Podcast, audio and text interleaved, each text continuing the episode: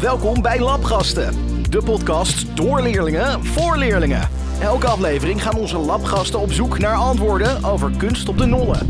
Welkom bij uh, podcast De Nollen of podcast Labgasten. Ik ben Gert, mijn naam is Ingrid. Mijn naam is Luna. Jamila. Elliot. Wat zie je bij kijkrichting 1? Wat valt je op als je langs deze richting naar het kunstwerk kijkt? Ik zie uh, twee hele hoge pilaren met punten. en ze zijn een beetje blauwachtig en ze hebben ribbeltjes. En eentje ervan lijkt een beetje kapot bovenop of zo. Waarom, waarom denk je dat het kapot is? Wat zie je? Uh, ik denk dat het kapot is omdat uh, ik dingetjes los zie hangen. ik zie ze bungelen. En ja, het ziet er heel anders uit dan die andere twee. De middelste die gaat schuin omhoog. De andere twee die hebben een boog en zijn dikker in het midden dan aan de bovenkant en de onderkant. De bovenkanten zijn puntig. En het lijkt net alsof ze naar het middelpunt wijzen een beetje. ja, dat. Ja. Prachtig gezegd. Ik zie hetzelfde als jullie, want ik sta op dezelfde positie. Wat zie je als je van een andere richting naar de kunstwerken kijkt? Nou, ik zie nu een andere paal die ik eerst net niet zag. Uh, die ziet het er hetzelfde uit als een van die andere twee. Ze hebben allebei uh, een wat dikkere middenstuk en een puntige bovenkant. En in de verte zie ik een, een, uh, een spoor en ik zie een, een meertje. Um, de grond is hoger bij de twee pilaren. en het lijkt net alsof ze weer naar elkaar toe wijzen. Um, ik zie vogel weer. En ik zie nu ook die andere twee pilaren, maar geen die achter me staat kan ik niet zien. En dit is het draadje die op de grond. Waar het voor is. Ja. Wat is het verschil?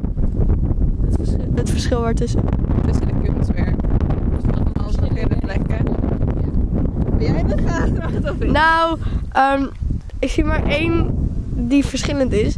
Want dit kunstwerk bestaat uit drie pilaren en twee zijn hetzelfde. En de ene die is een beetje kapot aan de bovenkant en die ziet er anders uit. Die heeft een andere vorm en zo, die is veel dikker aan de onderkant. En als je vanaf het middelpunt naar boven kijkt, dan wijzen alle drie de pilaren naar elkaar toe. En is het net een driehoek. Ik zou niet weten waar sommige op deze plaats zijn gezet, maar het staat een soort van even aan elkaar. Waar, waar herken je hetzelfde materiaal van het kunstwerk in het gebied? Um, ik zie in de verte ook iets van blauw metaal of zo. Dat zijn ook drie omhoog staande dingen. Het lijkt op een beetje bladeren of zo. Hele dunne bladeren. Lijkt op zeewier. Ja, zeewier. Uh, ja, ik zie ook koepels. Ik zie een koepel daar en een soort schildachtig iets of zo. Dat is denk ik allemaal van ijzer, lijkt mij. Hij vroest net zoals alle andere dingetjes hier. Ik zie op het moment even helemaal niks, een maart voor mijn gezicht. Maar ik zie inderdaad ook die zeewierblaadjes aan de andere kant van het veld. Reden noemen waarom sommige kunstwerken op een bepaalde plek zijn gezet. Nou, om eerlijk te zijn, zou ik het niet weten. Want, uh, maar het staat allemaal een beetje verspreid over het veld. En ik zou, om eerlijk gezegd, totaal niet weten waarom het hier staat. Misschien ten aandenken aan mensen of gebeurtenissen. Ja. I agree with what uh, Jamila net zei. Is dat middelste van die pilaren kapot? Uh, nee, je hebt het nu over uh, het kunstwerk. Ik zal eerst even vertellen waarom uh, het, het, daar geplaatst is. de manier waarop het geplaatst is. Het zijn obelisken, drie vormen. De ene is inderdaad anders. Hè. Dat is een beetje meer op de vuurtoren geïnspireerd. Die, dat is, die staat in Huisduinen. Daar is de kunstenaar ook geboren. Dus dat heeft een beetje binding. En wat je ook kunt zien is dat ze hoger geplaatst zijn. Dus als je zelf in het midden staat, dan uh, zie, je, uh, zie je ze ook weer een beetje anders. En dat heeft hij zo gecreëerd bij alle kunstwerken die hier staan. Omdat hij behalve het kunstwerk alleen ook de omgeving uh, voor het kunstwerk wilde creëren op een manier zodat het kunstwerk het beste zou uitkomen. Maar is hij kapot of is hij niet kapot? Want hij lijkt alsof hij kapot is. Nee, er zit bovenin de vuurtorenvorm inderdaad eh, hangen nog wat draadjes. Daar wordt nog aan gewerkt. Als het goed is, komt er dan een hele grote vlam uit op het moment dat de trein langs gaat. En zo vormt het dan weer een geheel met de omgeving. Wat eigenlijk de bedoeling is van al die kunstwerken. Klopt het een beetje met wat jullie zelf hadden gedacht? Ja, op zich wel. Alleen dat ik gedacht dat hij kapot is. En niet dat er nog aangewerkt zou worden. Ook een idee eh, waar het van gemaakt is bijvoorbeeld, het materiaal? Ik denk van eh, ijzer of zo. En het klinkt een beetje hol. Het is gemaakt van koperdraad en je zag ook dat het verkleurd was, hè? Dat is natuurlijke erosie. En als je nou terugkijkt naar de treinbovenleidingen waar je het al over had, hè, dat je zag van de, vanuit deze kant zie ik de treinleidingen, die zijn ook van koper. En daar zie je dat die ook die kleur hebben. En zo komt het ook weer bij elkaar. Maar hoeveel sterren geef je het kunstwerk en waarom? Ehm, ja, ik geef het drie sterren omdat ik niet heel specifiek weet wat het voor moet stellen. Ook al is dat wel een beetje uitgelegd. Ik snap het nog steeds niet helemaal. Ik snap ook niet waarom het er überhaupt staat. Maar het klinkt alsof het wel een betekenis heeft. Dus ja. Twee aspecten waaraan je kan zien dat het kunstwerk dat we net gezien hebben met de natuur verbonden is. Het heeft ongeveer dezelfde kleur als het gras. Nou, ehm, het is een beetje blauw geworden. Dat komt volgens mij van erosie. Dat is natuurlijk. En dat gebeurt met koper. Als het gaat eroseren. Het is blauw geworden door de regen en het staat in de grond. Wat is het kunstwerk of de kunstvorm of het kunstobject wat je het laatst hebt gezien en waar heb je dat gezien? Uh, volgens mij het laatste wat ik heb gezien was, ik was toen ik naar het museum was in Amsterdam. En dat waren schilderijen. Welk museum was dat? Geen idee meer. Het, is al, het is, nog- was nog voor corona geloof ik. Toen ik hier lang fietste, ja, gisteren, zag ik deze beeldjes. Oh, toen heb je ze al gezien. ja. Ook gewoon natuurlijk iedere dag hier langs. Het laatste kunstaspect wat ik heb gezien eh, is eigenlijk al best lang geleden. Ik zie sinds eh, lange tijd weer deze beelden, maar dat is het ook wel eigenlijk. Nou, als het over kunstvorm gaat. Ik heb zaterdagavond heb ik met mijn vader nog een film zitten kijken. Dus dat is het laatste wat ik heb gezien. Wat voor een film heb je gezien? We gingen Scary Movie kijken. Die is vet grappig. Oh, dat is, zo- dat is, dat is zo'n slechte film. Oprecht, daar kan je niet tegen. Eh, volgens mij, ik, heb- ik heb ook met mijn vader. en Ik heb met een serie lopen kijken. Ik weet niet of dat telt. Wat heb je? Ik heb met mijn vader een serie gekeken. Ja? Ja, Nou, hoe, hoe herken je daar kunstvorm in? geen idee. Nou ja, acteren is op zich ook een, zou je als kunstvorm kunnen zien. Noem twee details van wat je hier binnen kan zien. Eh, het begint van zwart, donkerblauw naar wit en lichtblauw. De verf is in stroken geplaatst. Een soort van plastic bovenop waardoor de licht naar binnen schijnt. En op de vloer is een soort zon of zo. De gaten aan de zijkant van de muur. En een stalen deur waar we net doorheen kwamen. En de binnenkant lijkt een beetje op water in mijn ogen. Je staat hier in een hele aparte ruimte. En de vraag is eigenlijk, eh, heeft deze ruimte je beïnvloed? Of hoe, hoe het voelt? Of wat je denkt als je hier staat? Ehm, ik raak hier een beetje claustrofobisch van. Dus eh, heel fijn vind ik het hier binnen niet.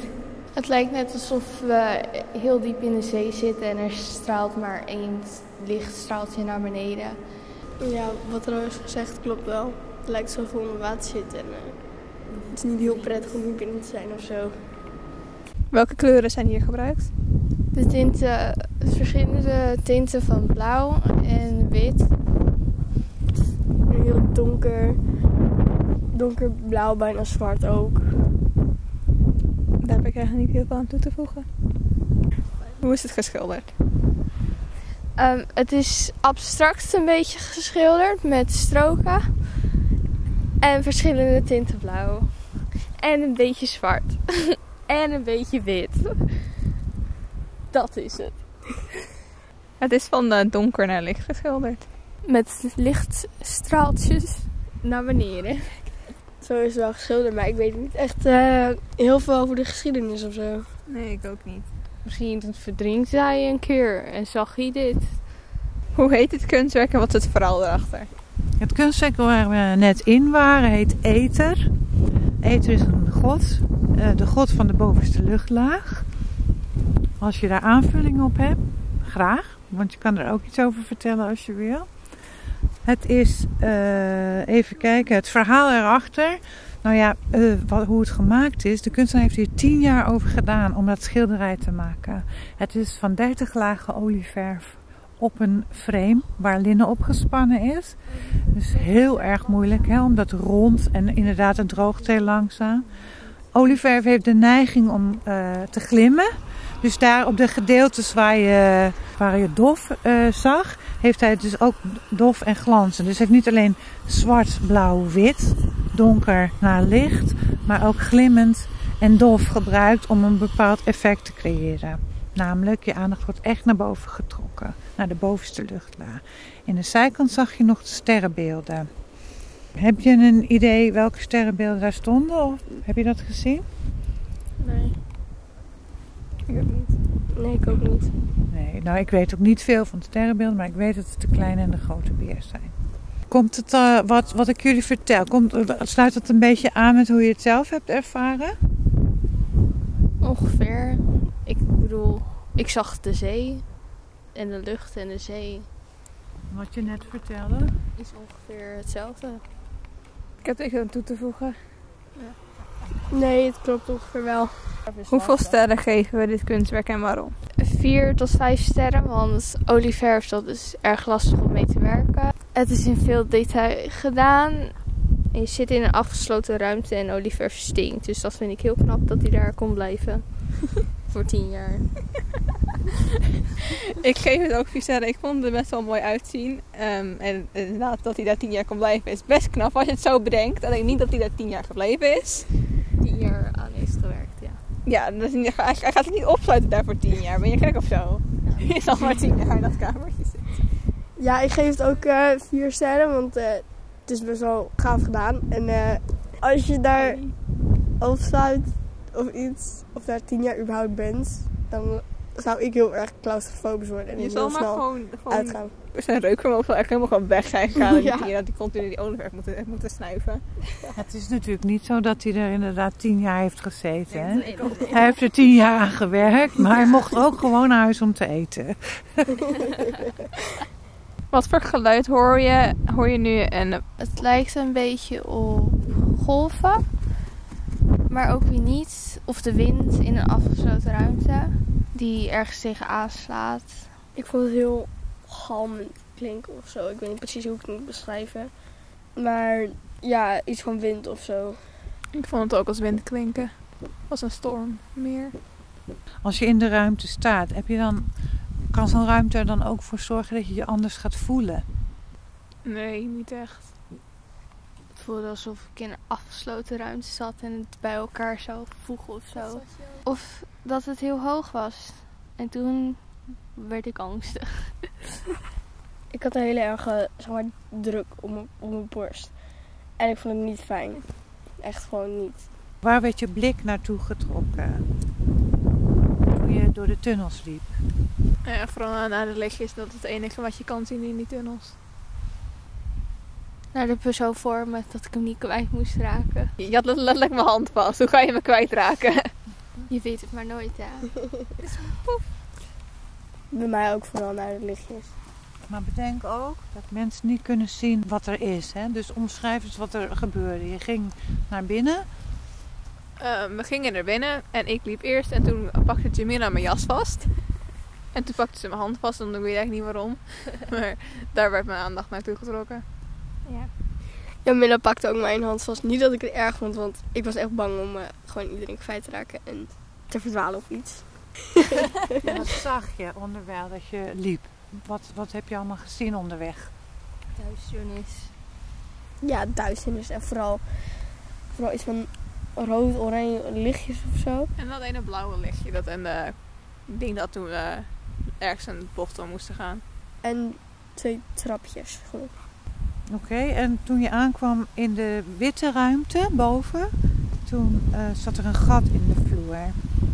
En eh, heb je een idee wat dat zou kunnen betekenen? Of vroeg je je daarbij iets af? Het gat was stuk, ten eerste deze keer. Dus ehm, ik heb te hoorde een sterrenhemel te zitten. Dus dan zou je denken dat je of heel hoog, dat je heel hoog zit als je er naar kijkt. Ik durfde er niet in te kijken, want ik dacht dat ik dan heel hoog zat. En dat gaat niet goed als ik hoog zit. Ja. Ja, nou, ik wist niet zo goed wat ik ervan moest vinden. Die ene die was helemaal donker. Dus het leek gewoon op een oneindig gat naar beneden. En die andere, ja, wat net ook al gezegd was, die sterrenhemel was stuk. Dus daar kon ik ook niet zoveel over zeggen. Hoe heet het kunstwerk en wat is het verhaal erachter? Het kunstwerk heet Eidolon. En eidolon is een woord dat voor, voor uh, uitleg uh, vatbaar is, maar eigenlijk staat het voor schimmenwereld. Die ging door een donkere gang, een reis bijna door de onderwereld. En toen uh, op het licht af, naar het licht toe. En toen kwam je in een soort ovaal. Hoe, hoe denk je dat dat, wat, wat dat zou, waar dat voor zou kunnen staan, bijvoorbeeld? Zo'n reis, zo'n tunnel door en dan weer naar het licht. Kinda feels like the trip from the underworld to Mount Olympus. De weg naar de dood. ja, nee, maar dat zou best wel kunnen. Ja. Of een reis door de onderwereld, inderdaad, naar je hergeboorte. Alsof je in een soort ei zat, misschien? Nou, ik vond het niet echt op een ei lijken Nee? of zo. Nee, niet echt. Denk aan die lamp. Het embryo van een ei. Ja, dat zou kunnen. Even raten, de ratings. De ratings. Hoeveel sterren geef je het kunstwerk en waarom?